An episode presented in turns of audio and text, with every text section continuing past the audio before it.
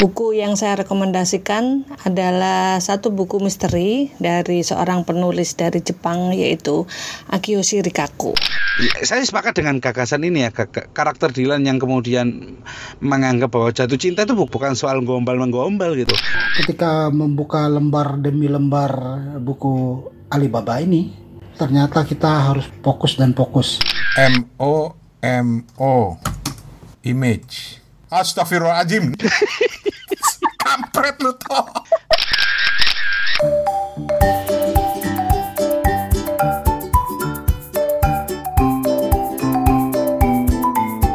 Kita ketemu lagi di Kepo Buku episode ke-9 dan kali ini kita akan memutarkan beberapa review kiriman dari teman-teman pendengar Kepo Buku yang baik hati, ganteng dan cantik-cantik dan tidak sombong.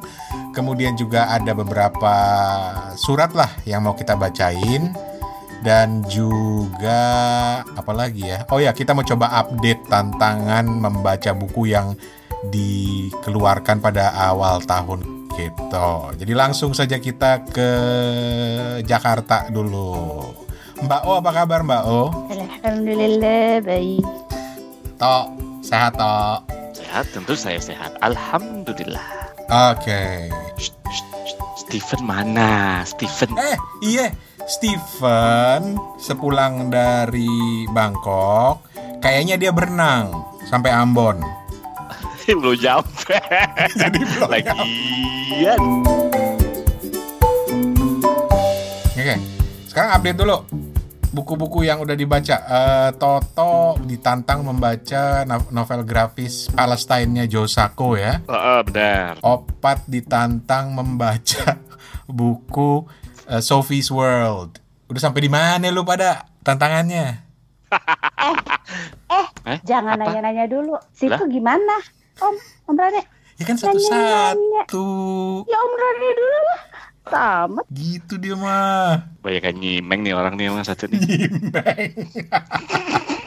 gua belum, terus terang, gua belum sentuh karena gua masih mencari keberanian untuk Apa membaca sih? buku yang bergenre horor. Buku? Gue bukannya penakut ya, gue gua perlu garis bawahi gue bukannya penakut, tetapi nggak nggak biasa aja baca genre horor. Hmm. Lanjut, opat gimana? Lu berani? Lu udah baca Dunia Sofi belum? Belum. Sebab? Belum pengen. Lu kan yang menantang. Eh, jangan lupa ya. Akhir Maret udah harus semua beres laporannya ya. Ya le, tinggal dilanggar sama tambahin lagi. Ya, eh dah. Eh dia yang nantang padahal kelewatan Tidak. bener. Tidak disiplin itu namanya, tidak disiplin. Eh, Tok, lu jangan ngata-ngatain orang nggak disiplin ya. Lu sendiri gimana? Eh, gua udah. Uh, udah beli bukunya. Baca? Uh, baru skimming skimming doang. jadi rupanya, jadi buat buat teman-teman yang yang nanya-nanya, kacau nih bener. Jadi buat teman-teman yang nanya-nanya ini kita di awal tahun itu nantang diri dalam tiga bulan ke depan harus baca buku yang tidak sesuai dengan genre favorit kita. Gua dikasih genre horor. Opat dikasih genre filsafat, Toto dikasih genre graphic novel. Graphic novel. Yang lucu nih Hmm. Steven, kita kasih genre roman, novel roman. Terus kita pilihin sekalian buku Nomotingo Bushe, tapi menariknya udah dibaca toh. Emang udah kelar kemarin Belum. belum. Minimal udah dibaca daripada yang skimming-skimming laganya sebakul alasan semuanya. Ya iyalah. Tapi emang ternyata nggak mudah ya mencoba memaksa diri untuk membaca buku yang bukan genre kita, tapi Betul, nantinya betul. akan akan bisa lah. Nanti Bisa, ada satu bisa. surat menarik ini, eh, bagaimana si pengirim surat ini punya pertemanan dengan orang-orang yang genrenya berbeda-beda. Ntar ntar kita bacain. Tapi oke sip. lah. Jadi kira-kira kapan bisa?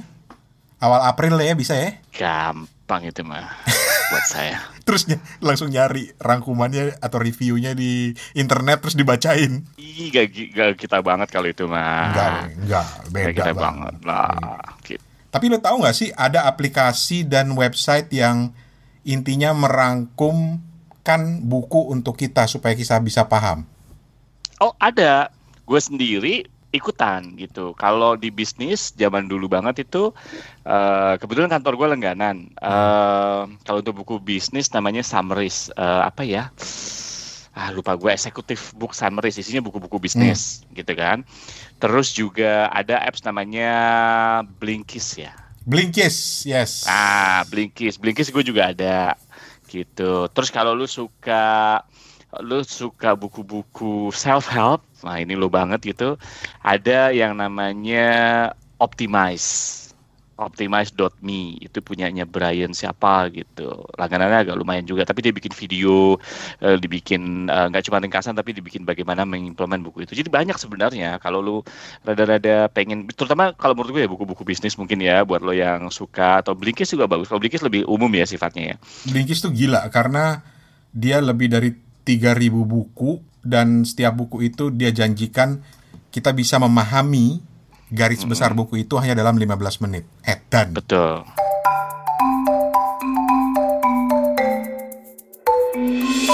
Ya wes, sekarang kita akan mulai dengan membacakan surat eh, dari beberapa teman pendengar, terus kita akan putar beberapa rekaman, ada tiga rekaman tepatnya. Jadi mungkin Opat, lo masih megang nggak surat? Tadi gue udah kirim kan, Pat ya? Apa? Dari siapa tadi ya? Eh jangan diomongin biar gue ngomong. Oh iya, Gimana? iya. Ya udah, lanjut. Silakan, Pat. Ini ya surat cinta enggak ya? Eh surat cinta udah untuk kepo buku dong ya. Teng, teng, teng, teng. Oke, aku mulai ya suratnya. Di sini mulai musiknya. Ya, silakan. Halo Mbak Opat, Om Toto, Bang Steven, dan Bang Rane. Aku suka dengerin kepo buku karena rasanya kayak ngobrol sama teman-teman penggemar buku aku. Jadi nih ya, aku punya lima teman yang sama-sama suka buku. Lucunya kita beda-beda selera ya, kayak para host kepo buku inilah. Kita punya grup WhatsApp dan bikin aturan sendiri. Pokoknya nggak boleh ngomongin hal lain selain buku. Nah lucunya biar kita beda-beda selera buku tapi nyambung aja tuh kalau ngobrol malah kadang aku jadi belajar suka buku-buku lain. Nah kapan-kapan angkat dong tema tentang pertemanan buku pasti seru ceritanya. Oh iya namaku Sisil di Bandung. Makasih ya salam kenal. Halo Salam Sisil, kenal. Salam Sisil di kenal.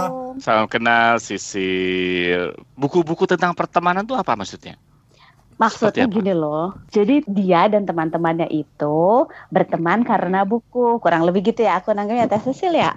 Hmm. Terus sukanya tuh bukunya beda-beda, kayak misalnya kita ini. Tapi walaupun sukanya beda-beda, tetap satu jua. Gitu kan ya? Bener kan ya? Aku nggak salah nangkep kan ya? Enggak, enggak salah. Terus dia usul Tema tentang pertemanan buku, maksudnya berteman karena buku. Gitu kali ya? Gua, gua masalahnya gua nggak gaul sih. Temen gue itu cuma lu aja. Emang situ, Eh lu pikir gue bikin kepo buku buat apa? Supaya ada temen aja sih sebenarnya. emang aku temannya Om Rane? Aku pede. ngaku-ngaku emang juga gue pernah bilang gue teman lu Insert musik memilukan di sini.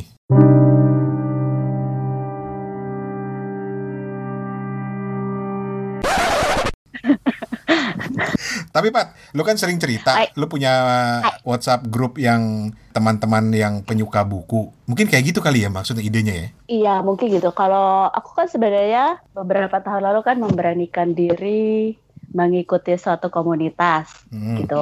Nah terus ya udah terus kenal-kenalan sama teman-teman yang lain kan pastinya tuh nggak banyak bahkan di komunitas itu banyak cabang grup WhatsApp-nya juga. Buset, Misalnya yang cabang Jakarta atau cabang yang lain atau gimana lah pokoknya gitu. tapi menurut lu is there such thing as pertemanan buku nggak sih? Ada ada. Jadi aku pernah ada juga pernah iseng gabung grup WhatsApp lainnya gitu.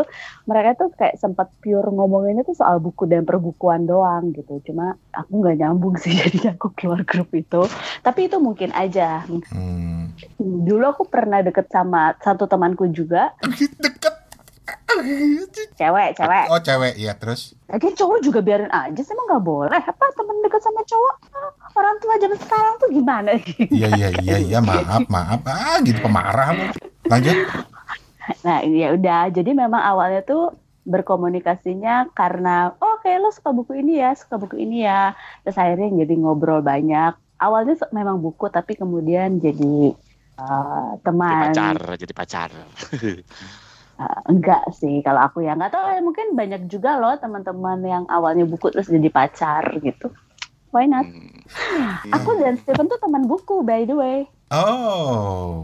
Iya, jadi kami nggak kalau aku dan Steven pure teman buku karena kami nggak pernah kayak ngobrolin hal lain selain buku. Hmm. So Sisil, makasih banget. Paling nggak kita udah sentuh sedikit tuh ngobrolin soal pertemanan buku gitu. Walaupun nggak ada yang mau temenan nama gue nggak apa-apa Udah biasa. Eh tapi tapi Om seneng banget loh misalnya ada ya kan dibilangnya kesukaan mereka itu beda-beda kan. Hmm. Berarti kan walaupun mereka beda-beda, mereka punya safe space dan itu sangat menurutku sangat menyenangkan sekali. Walaupun lo suka buku ini dan gak suka buku ini, tapi mereka bisa nyaman menceritakannya di dalam grup mereka itu sesuatu yang menyenangkan dan mungkin melegakan juga ya. Karena kan misalnya aku nggak suka nih sama bukunya Om Rane, aku nggak bisa bilang ke halayak misalnya bukunya Om Rane ini jelek banget, ini nggak bisa. Tapi dengan ada safe space di situ bisa mengeluapkan ketidaksukaan itu terus juga ya. Sekarang kita ngapain dulu ya? Kita putar resensi buku dulu kali ya. Nanti yang surat berikutnya nanti nanti ya kita selang-seling ya. Kalau di radio putar lagu. Ini apa aku boleh nyanyi di sini? Dengan jangan, Pat.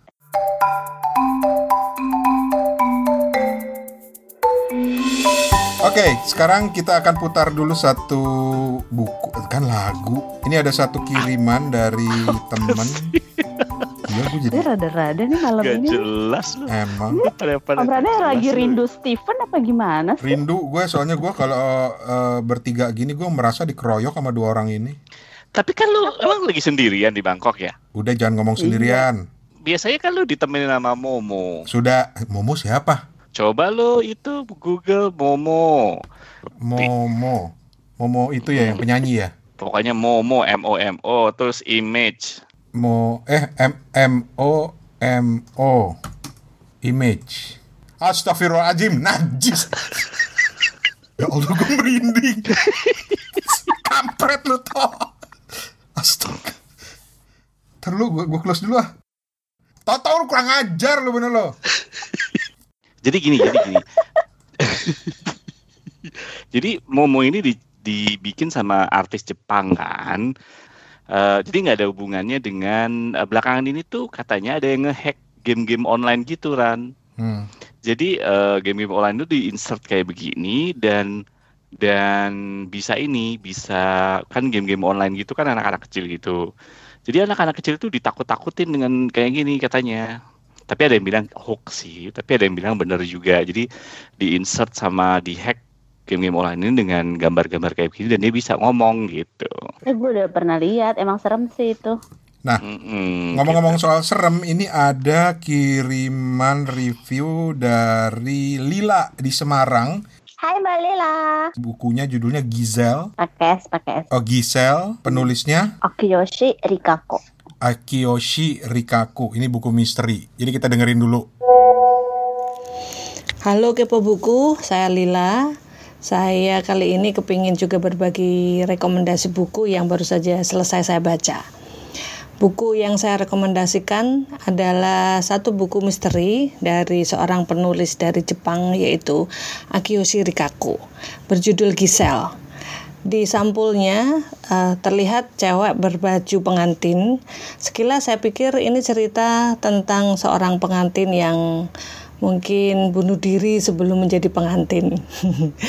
Tapi ternyata saya salah karena main saya kurang jauh, jadi saya nggak tahu bahwa ternyata judul Giselle ini sebenarnya untuk para pecinta balet. Mungkin mereka tahu bahwa Giselle ini adalah salah satu repertoar yang cukup terkenal selain Swan Lake, kemudian Beauty and the Beast, uh, Sleeping Beauty dan lain sebagainya. Seperti biasa, Kiyoshi Rikako selalu memasukkan um, unsur misteri ya. Dan kali ini uh, si penulis menulis tentang persaingan para apa ya para performer para artis yang bakal memerankan uh, karakter-karakter yang ada dalam repertoire Giselle.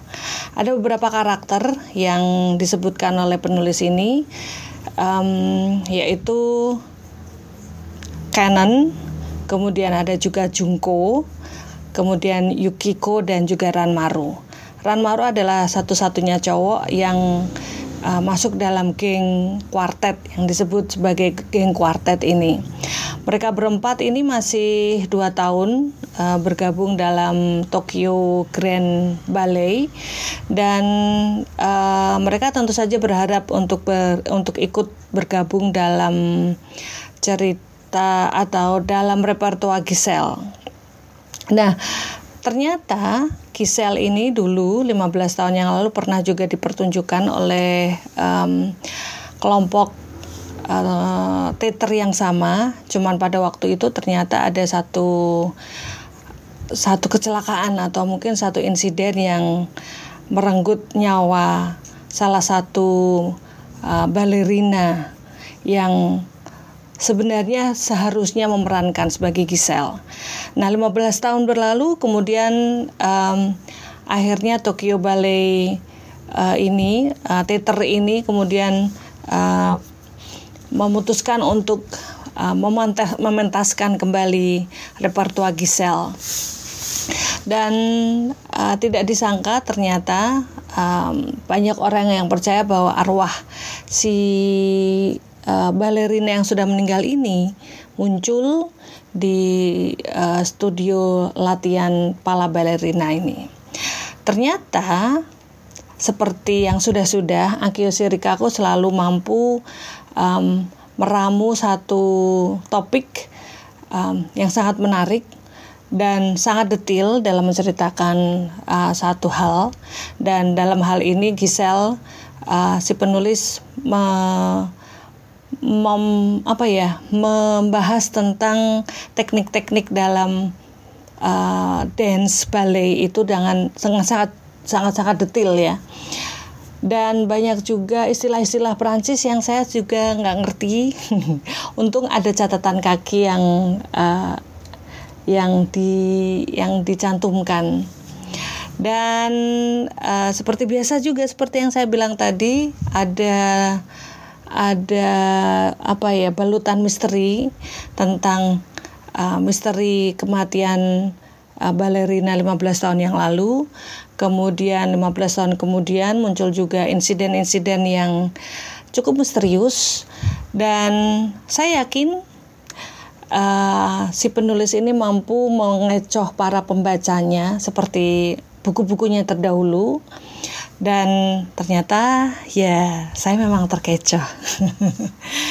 Jadi buku ini sangat-sangat saya rekomendasikan buat uh, para pendengar kepo buku yang terutama suka dengan eh, buku-buku uh, misteri dan tentu saja um, mungkin yang suka dengan sesuatu yang uh, apa ya yang berhubungan dengan pertunjukan bagaimana orang itu me, ini menyiapkan satu pertunjukan di balik panggung ataupun sebelum uh, sebelum panggung itu sendiri kemudian mental para performersnya dan uh, para guru para supervisor yang sangat-sangat galak dan juga sangat-sangat apa ya nervous juga ya mereka.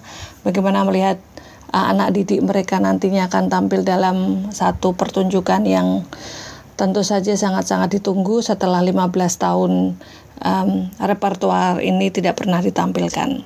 Oke, jadi buat uh, pendengar kepo buku silahkan pergi ke toko buku terdekat, bisa juga uh, ke toko buku online ya saya rekomendasikan Gisel oleh Akio Sirikaku terima kasih.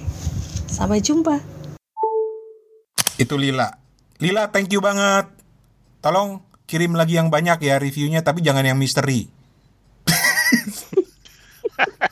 Eh, misteri misteri apa horor?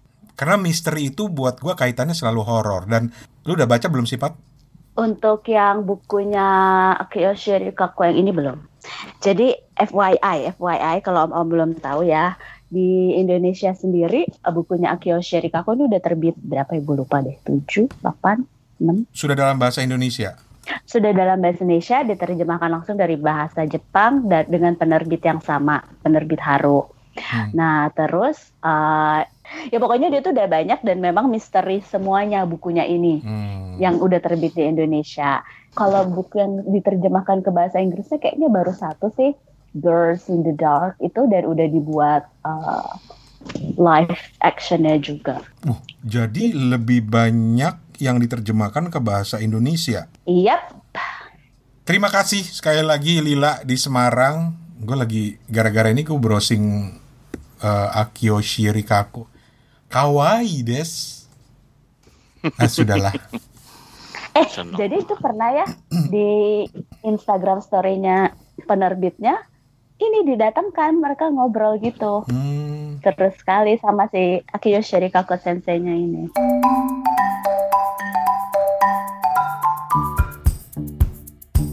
kita lanjut ke surat berikutnya ini yang mana ya yang mana ya coba gue baca yang ini ya hmm. yang dari Teti Halo Teti. Halo Teti, apa kabar? Hai Mbak Teti.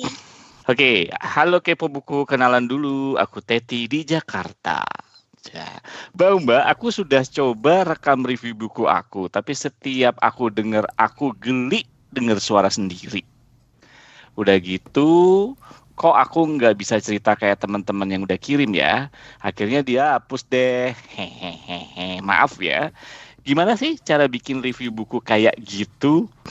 Uh, terus aku mau usul dong sekali-kali bahas buku sastra klasik. Jujur aku penasaran tapi nggak tahu harus mulai dari mana. Kan pernah tuh Bang Toto cerita dia suka novel-novel klasik. Ceritain dong di Kepo Buku. Soalnya bisa jadi kayak pengantar gitu buat kita supaya tertarik. Aku sempat nyari loh beberapa buku yang pernah dibahas di Kepo Buku. Hihihi gitu. Ini benar-benar tulis pakai gue baca gitu. Thank you Teti. Teti, makasih ya Teti. Lo tanggung jawab lo, jawab lo. gue ya, gue pertama ya bikin review buku dulu udah udah pernah kita bahas. Buku bikin review buku itu nggak usah uh, susah-susah, nggak usah mikir-mikir. Pokoknya direkam aja. Udah berapa kali kita bilang direkam langsung dikirim, nggak usah didengerin, beneran. So kalau dengerin Ya, entar kita jadi geli sendiri. Pokoknya direkam aja, ngomong aja, curahkan uh, pendapat kita, curahkan perasaan kita tentang buku yang kita baca. Selesai kirim, gak usah didengar-dengar lagi, nggak apa-apa nanti kita udarain gitu. Nanti kita bikin podcastnya gitu. Iya. Anggaplah kita lagi ngomong sama temennya, gue suka lagi baca buku ini nih, gue nggak suka, gue suka eh, nggak uh, tahu gue jadi ceritanya gue bingung, udah dikirim aja padanya. Kita nggak punya pakem tertentu kok ya untuk nge-review buku gitu. Nggak ada nggak ada pakem karena intinya kan sebenarnya kenapa akhirnya kita sebut kepo buku gitu ya karena intinya lu bener-bener ngepoin buku banget bahwa nggak nggak usah harus dijelasin jumlah halamannya, struktur, pokoknya intinya apa Betul. yang lu rasakan Setuju. setelah membaca buku itu. Betul sekali. Oke, okay. terus tadi usulannya novel klasik. Kita memang ada rencana sih mau coba gimana ya kita coba bikin semacam apa ya kayak review khusus untuk novel-novel klasik. Ini juga sejalan dengan oh. gue lupa pengirimnya. Bentar, gue lihat dulu. Ardi Ardi juga minta, hmm. cuma dia mintanya buku-buku novel klasik barat. Kalau Teti ini kayaknya lebih ke klasik-klasik Indonesia ya, yang sejalan dengan Toto yang mau koleksi semua novel-novel sastra klasik Indonesia. Mungkin kapan-kapan ya kita ambil satu buku unik klasik gitu yang barat dan yang yang Indonesia perlu juga sih supaya jangan lupa gitu. Hmm. Tapi kita nggak bakal review serius-serius ya, review dengan cara kita sendiri loh ya. Seperti disebut di episode ke-8, kita mereview itu dengan riang. Kayalah riang. Riang gembira. Yeah. Semangat aja pokoknya untuk bercerita. Betul. Ya. Ayo, Teti, fighting. Fighting. Yeah. Eh, gue sekarang lagi demen gue pakai istilah-istilah Korea.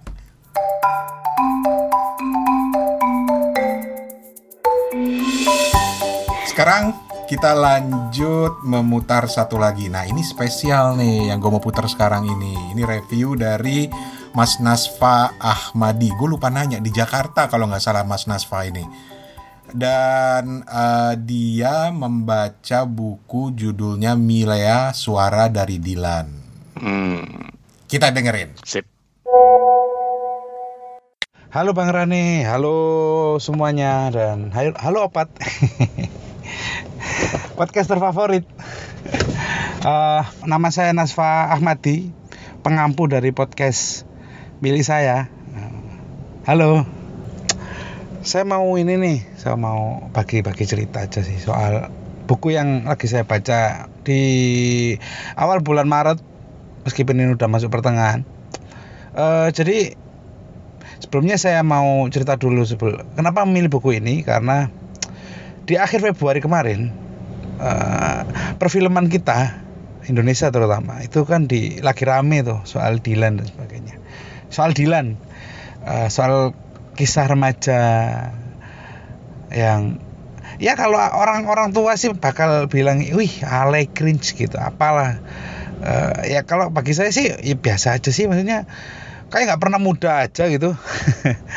Kayak nggak pernah jadi remaja saja gitu. Ya kisah-kisah remaja yang menurutku sih ya ya layaknya seorang remaja gitu. Maksudnya uh, ya kalau kalau dulu kita perspektif film-film remaja gitu cerita-cerita remaja gitu ya Jakarta sentris eh ternyata ini hadir nih.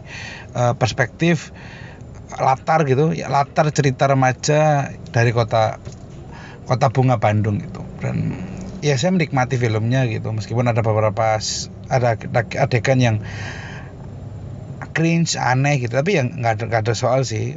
Enjoy lah menikmati. Nah uh, di film ini kan kalau kalau kalau uh, bapak-bapak ibu-ibu ini yang ngikutin film Dylan itu kan uh, di film pertama kan perspektifnya adalah perspektif uh, si Dylan ngejar si Milea gitu. Yang endingnya adalah mereka jadian. Nah yang kedua ini adalah perspektif Milea melihat sosok Dylan sebagai laki-laki yang yang yang begitu ya. Uh, sebagai seorang uh, pokoknya sudut pandangnya adalah sudut pandang Milea. Kemudian ada satu adegan di mana kemudian uh, Milea sama Dylan putus dan mereka ke, ke, bertemu kembali di di Jakarta mungkin latar itu ya pokoknya di satu kota besar Jakarta sih mestinya. Di Jakarta dan ya ke, yang ditutup dengan adegan yang cukup plot twist gitu yang eh ternyata enggak ya. Uh, saya nggak mau spoiler soal filmnya nanti ditonton aja. Masih banyak kok film-film filmnya itu di bio, layar bioskop.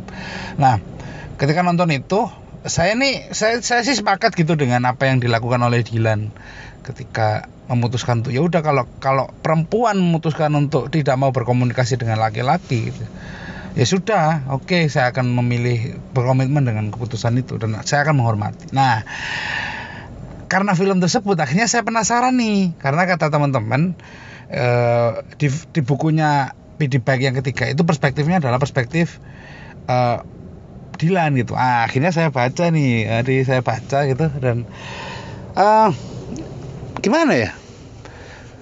Memang bener sih. Ya kalau mem kalau kalau jatuh cinta berdasarkan fisik itu ya memangnya akan jadi seperti itu maksudnya nggak ada gitu alasan alasan kedewasaan seseorang mencinta itu kayaknya nggak ada gitu jadi purely orang orang remaja yang yang jatuh cinta karena fisik udah karena cantik karena karena nyaman gitu uh, dan dialog-dialog di buku di Milea suara dari Dylan itu ya memang uh, sangat sangat sangat remaja gitu sangat remaja yang nggak mikir bagaimana kehidupan setelah mereka menjalin hubungan uh, apa masa depan. Maksudnya uh, utopia utopia yang ditawarkan oleh Dylan di Mil uh, kepada Milea di buku bukunya ya itu memang utopia yang yang sangat remaja sekali gitu yang aku ingin bersama dan sebagainya ya dan kemudian ya lagi-lagi ya karena memang latar belakang atau mungkin karakter yang di karakter Dylan yang tidak ingin dikengkang dan sebagainya yang kemudian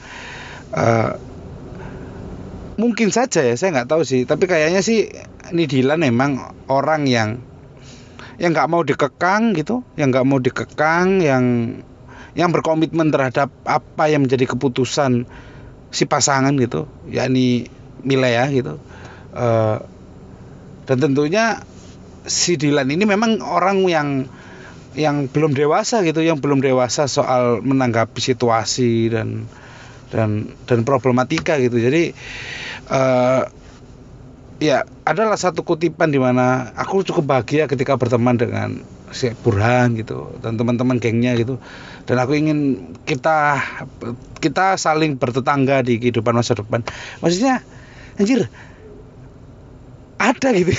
Saya sih cukup ah, saya saya orang yang tidak cukup banyak teman maksudnya ya, kenal orang itu hanya sekedar nama gitu maksudnya nggak terus kita hidup bersama eh, every day every time uh, kita seneng-seneng bareng duka bareng enggak enggak gitu. Saya, saya orang yang yang cukup ini ya kemudian ketika lihat baca buku uh, Milea Suara dari Dilan ya anjir alay banget ya.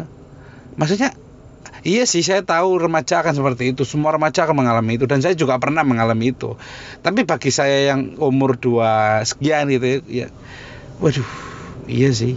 Dan di buku tersebut ternyata ada loh orang-orang yang memang dia nggak tahu nih mengekspresikan cinta dan kasihnya itu seperti apa. Uh, yang dia tahu adalah bagaimana menghormati saja gitu, menghormati apa yang menjadi keputusan pasangan gitu.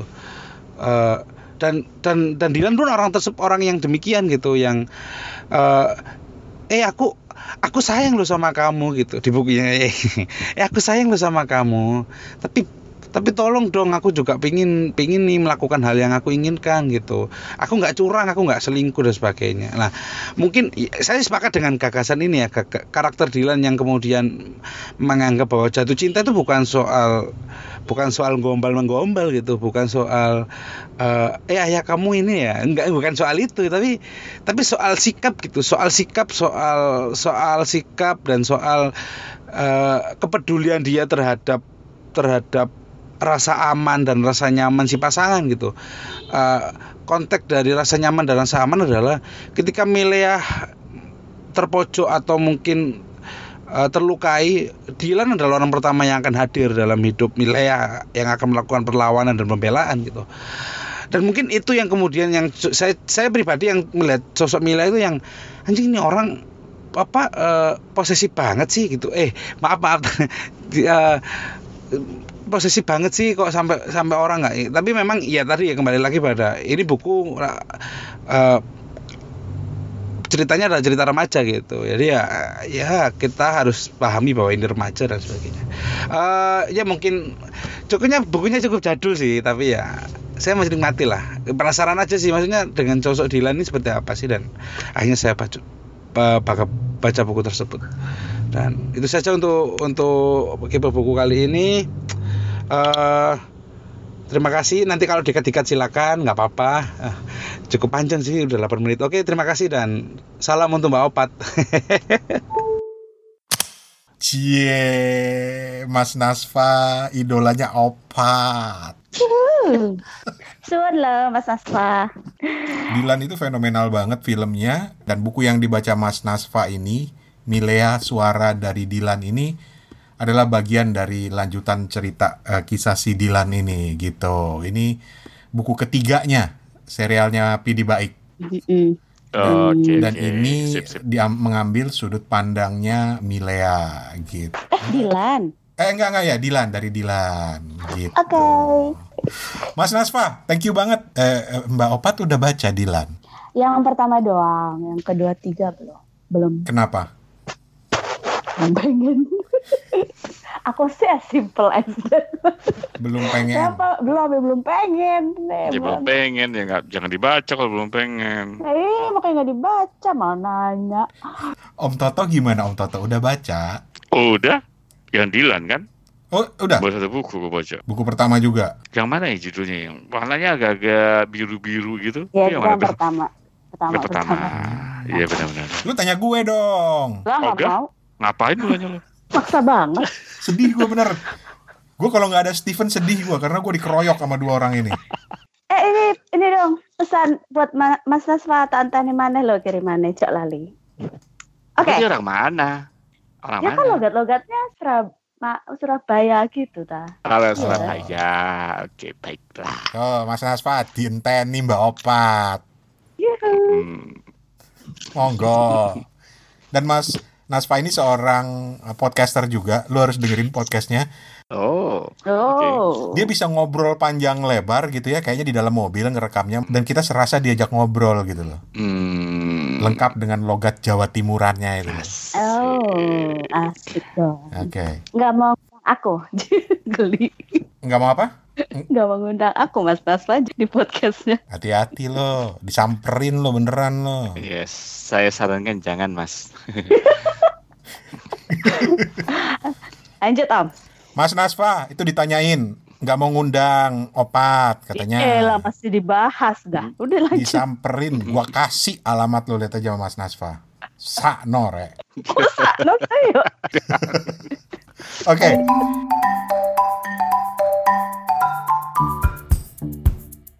Eh, sebelum kita muter rekaman terakhir nih ada surat satu lagi dan ini spesial karena dia juga ngirim rekaman tapi belum kita putar di ska- di bagian episode ini karena kita mau jadikan episode terpisah yang nanti akan melibatkan opak.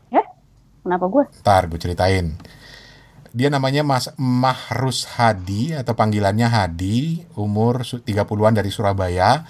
Eh, dia bilang kerjanya supir serabutan di sebuah bengkel body repair. Dan kebetulan tertarik sama buku. Oh, kalau sama buku itu nggak ada kebetulan mas, pasti tertarik. Jadi dia tuh cuma ada semi curhat juga. Dia bilang di Surabaya pengen ikutan komunitas buku, cuma karena aku orangnya rada-rada introvert gitu. Kayak opat dong ya.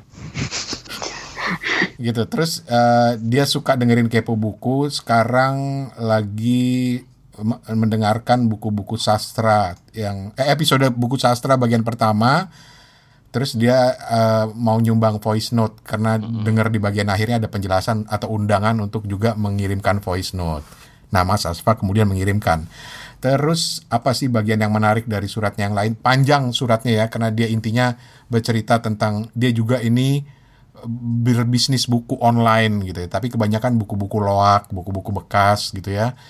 Dia sembil dia bilang Aku baca buku juga nggak intens satu buku selesai, kebentur waktu katanya. Bacanya lompat-lompat sesuai mood. Terakhir baca satu seri Javanologinya De Graaf kalau nggak salah. Uh, Hoho. mantap. Oke. Terus katanya kalau soal buku yang pertama kali membekas buat aku itu capingnya Gunawan Muhammad gitu loh. Emang bener kalau ada yang bilang eh, GM itu makelar buku. Zaman-zaman informasi belum banjir kayak sekarang, eh, dia di caping udah udah canggih banget. Nah ini menarik karena di rekaman yang dikirim oleh beliau itu dia membahas bagaimana cara dia hunting buku-buku bagus untuk dijual. Hmm. yaitu dengan melihat tulisan-tulisannya caping. Karena Mas GM tuh kan banyak menyebut-nyebut nama buku gitu ya.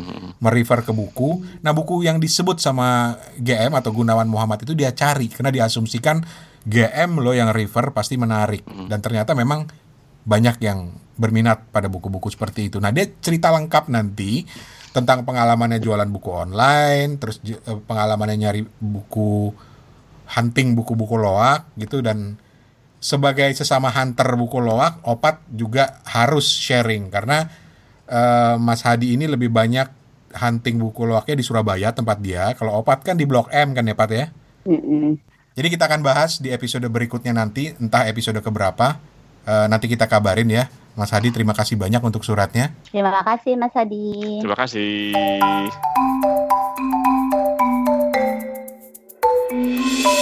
Oke, dan terakhir ini ada satu kiriman dari Mas Rudi Hartono di Pontianak. Wow, thank you Rudy. Thank you banget Mas Rudi. Nah, buku yang dikirim oleh Mas Rudi kali ini menarik judulnya Alibaba Kerajaan Jack Ma oleh Duncan Clark. Eh, kalau versi bahasa Inggris ini kan versi alih bahasa. Versi bahasa Inggrisnya itu Alibaba The House That Jack Ma Built. Kita dengerin, kita dengerin. Mari, mari kita dengerin. Halo kepo buku, kepo buku. Bertemu lagi dengan saya Rudi Haji yang saat ini akan mengulas sebuah buku yang telah saya baca yang berjudul Alibaba Kerajaan yang dibangun oleh Jack Ma. Ya, ditulis oleh konsultan Alibaba Duncan Clark dan dialih bahasa oleh Suryo Waskito.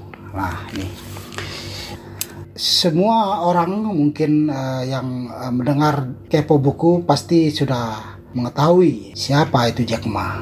Icon perusahaan terbesar di China yang menguasai pasar-pasar China maupun dunia. Ketika membuka lembar demi lembar buku Alibaba ini, satu yang mendasar adalah ternyata kita harus fokus dan fokus itu adalah uh, pesan dari Jack Ma ya. Jadi saya coba uh, mencoba untuk fokus menelaah uh, buku yang saya baca ini. Di sini diceritakan bahwa Duncan Clark tadi gelisah gitu ya. Gelisah di sini ceritakan bahwa Jack Ma ini sosok seorang yang uh, tegar begitu bagaimana tidak eh, perusahaannya itu eh, sering jatuh bangun jatuh bangun ya kayak lagu dangdut aja tuh jatuh bangun ya, ya. jadi di sinilah kegelisahan Duncan untuk eh, menulis eh, buku ini gitu nah yang membuat dia kuat untuk menulis itu adalah sebuah penyesalan ketika Jack Ma menawarkan berapa persen saham Alibaba dan dia menolak nah pada tahun 1999 itu saham Alibaba itu meroket dalam waktu enam bulan setelah dia menolak itu. Nah, di sini yang dia akhirnya istilahnya kalau orang Melayu itu manas gitu. Manas, manas, manas tak berlawan gitu. Jadi akhirnya dia tuh ya eh, menulis buku ini. Kemudian di situ diceritakan bahwa Jack Ma ini adalah seorang guru bahasa Inggris yang jenius ya, rendah hati dan ya, ambisius. Nah, dan akhirnya dia men mendirikan perusahaan ya ya aneka barang online. Nah, padahal di kala itu Jack Ma sendiri tahu bahwa orang China itu ya karena memang uh, sudah berpuluh-puluh tahun itu apa berpuluh-puluh tahun hidup dalam kemelaratan gitu ya. Jadi orang itu berhemat. Orang China itu berhemat dan menampung menyimpan uang di bank. Nah, Kata kuncinya apa di situ? Jangankan kita untuk menawarkan apa barang secara online ya yang dilihat di di layar yang abu-abu itu ya. Dan orang China itu mana mungkin percaya ya. Tidak percaya dia membayar uang dulu ya baru barangnya datang. itu tidak. Jadi eh, budaya China pada waktu itu ya seperti itu. Jadi Jack Ma itu berusaha ya uh, untuk tampil beda. Nah, jangankan uh, dia itu perusahaan bernama Alibaba saja, orang China tuh tertawa melihat dia. Ya, Alibaba itu kan uh, seribu satu malam ya, mimpi uh, apa itu istilahnya mimpi seribu satu malam orang Timur Tengah ya, bernama Alibaba. Nah di sini uh, Jack Ma tidak peduli dan dia jalan terus fokus tadi tuh fokus dan fokus. Nah pada akhirnya Jack Ma berhasil ya mengubah karena memang ya oke okay lah yang mungkin kakek-kakek nenek-nenek itu generasi uh, generasi all tua itu mungkin dia tidak bisa ubah tetapi ini untuk generasi muda nah di sini di generasi muda dia mulai China itu perekonomiannya sudah mulai meningkat meningkat ya. Dan di situlah uh, Jack Ma um, menemukan sepercik harapan. Nah, di sini sangat eh, menurut saya sangat menarik ya. E, kerja keras e, Jack Ma itu membuahkan hasil. Karena memang dimulai dari tidak ada uang, tidak ada teknologi, tidak ada barang. Sampai jumpa di kepo buku berikutnya. Salam. Thank you Mas Rudi. Thank you banget udah ngirimin reviewnya. Nah, Duncan Clark ini menarik karena dia itu adalah orang yang pertama, bukan pertama, dia mengikuti perjalanan eh, Jack Ma itu dari awal-awal dia merintis bisnis. Jadi wajarlah ketika dia menulis ini tentu bisa jadi acuan banget karena dia tahu istilahnya luar dalamnya Jack Ma itu kayak apa gitu. Hmm. Hmm.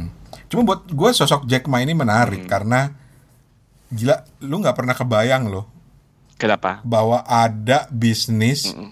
yang sampai bisa bukan mengalahkan sih, tapi bisa bisa bersaing dengan raksasa online seperti Amazon misalnya. Hmm, betul betul betul. Dan dia termasuk orang yang mungkin memulai bisnis itu termasuk yang agak terlambat ya.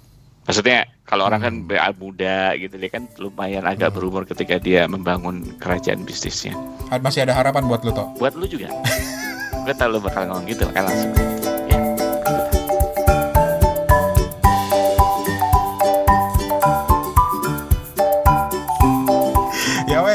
Dari kami cuma untuk ikut mengirimkan seperti Lila, seperti Mas Rudi, seperti Mas Nasfa gitu ya untuk mengirimkan review bukunya. Eh, cara ngirimnya gampang ke lewat voice note, Email. eh, lewat email juga bisa, lewat email ke suarane@gmail.com. Jadi lu rekam aja di HP, pakai voice recorder, kirim atau attach ke suarane@gmail.com. Ya. Jangan lupa menyapa Mbak Opat, Mas Steven, Mas Toto, terutama Mbak Opat, terutama Mbak Opat, karena dia seneng sekali kalau disebut namanya. Apa? Kenapa? Gue lagi. Dan durasinya memang nggak ada batasan sih, cuma kalau bisa jangan melebihi 5 menit. Ya. Kalaupun nanti ada yang diedit hanya untuk merapatkan aja, cuma kalau bisa nggak terlalu panjang, jadi bisa memberikan kesempatan kepada yang lain. Terus juga lewat voice note di WhatsApp juga bisa ke 087878 505012 Hmm. 087878505012 atau di browser di HP lo Diulang, Tahu, diulang, tahu, aku tahu. di- diulang, diulang nomor nomor teleponnya diulang, Oke. diulang, diulang. 087878505012. Oke, good. Atau di bit.ly slash ikut kepo buku.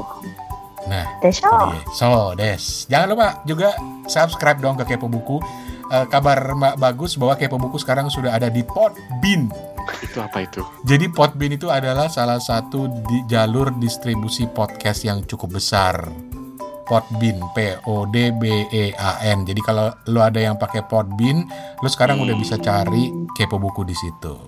Oke. Tapi ada di Google Podcast, Pocket Cast dan Ah. lain sebagainya. Apple Podcast, Spotify, Anchor, dan lainnya. Dan buat lo yang mau denger Opat lebih sering jadi main host di Kepo Buku, ayo voting. Kirim ke sini bilang gue pengen Opat yang jadi host Kepo Buku. Gue pon, Rasain lo. Nah, opas yang nge-host gitu.